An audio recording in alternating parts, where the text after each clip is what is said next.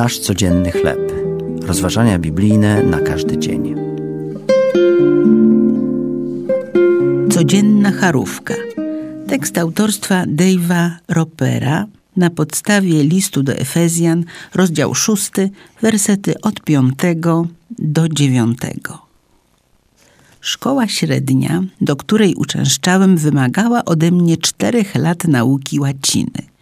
Choć dzisiaj doceniam wartość przedmiotu, wtedy była to dla mnie charówka. Nasza nauczycielka wierzyła w ćwiczenia i powtarzanie. Repetitio est mater studiorum mawiała do nas kilka razy dziennie. Oznacza to po prostu powtarzanie jest matką nauki. Repetitio est absurdum mamrotaliśmy pod nosem. Powtarzanie jest absurdem. Dzisiaj zdaję sobie sprawę, że większość życia właśnie na tym polega na powtarzaniu nudnych, nieciekawych i szarych rzeczy wykonywanych każdego dnia.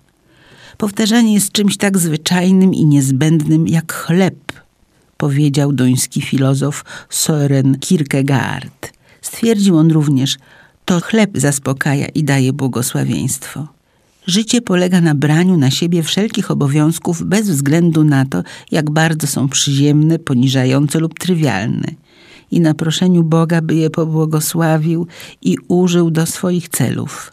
W ten sposób przekształcamy życiowy znój w świętą pracę wypełnioną niewidzialnymi i wiecznymi konsekwencjami. Poeta Gerard Manley Hopkins powiedział – Podnoszenie rąk w modlitwie przynosi Bogu chwałę.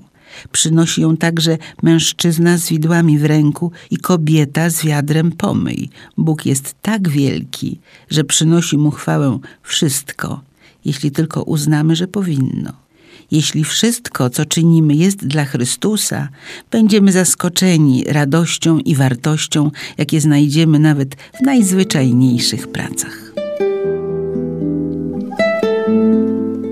To były rozważania biblijne na każdy dzień. Nasz codzienny chleb.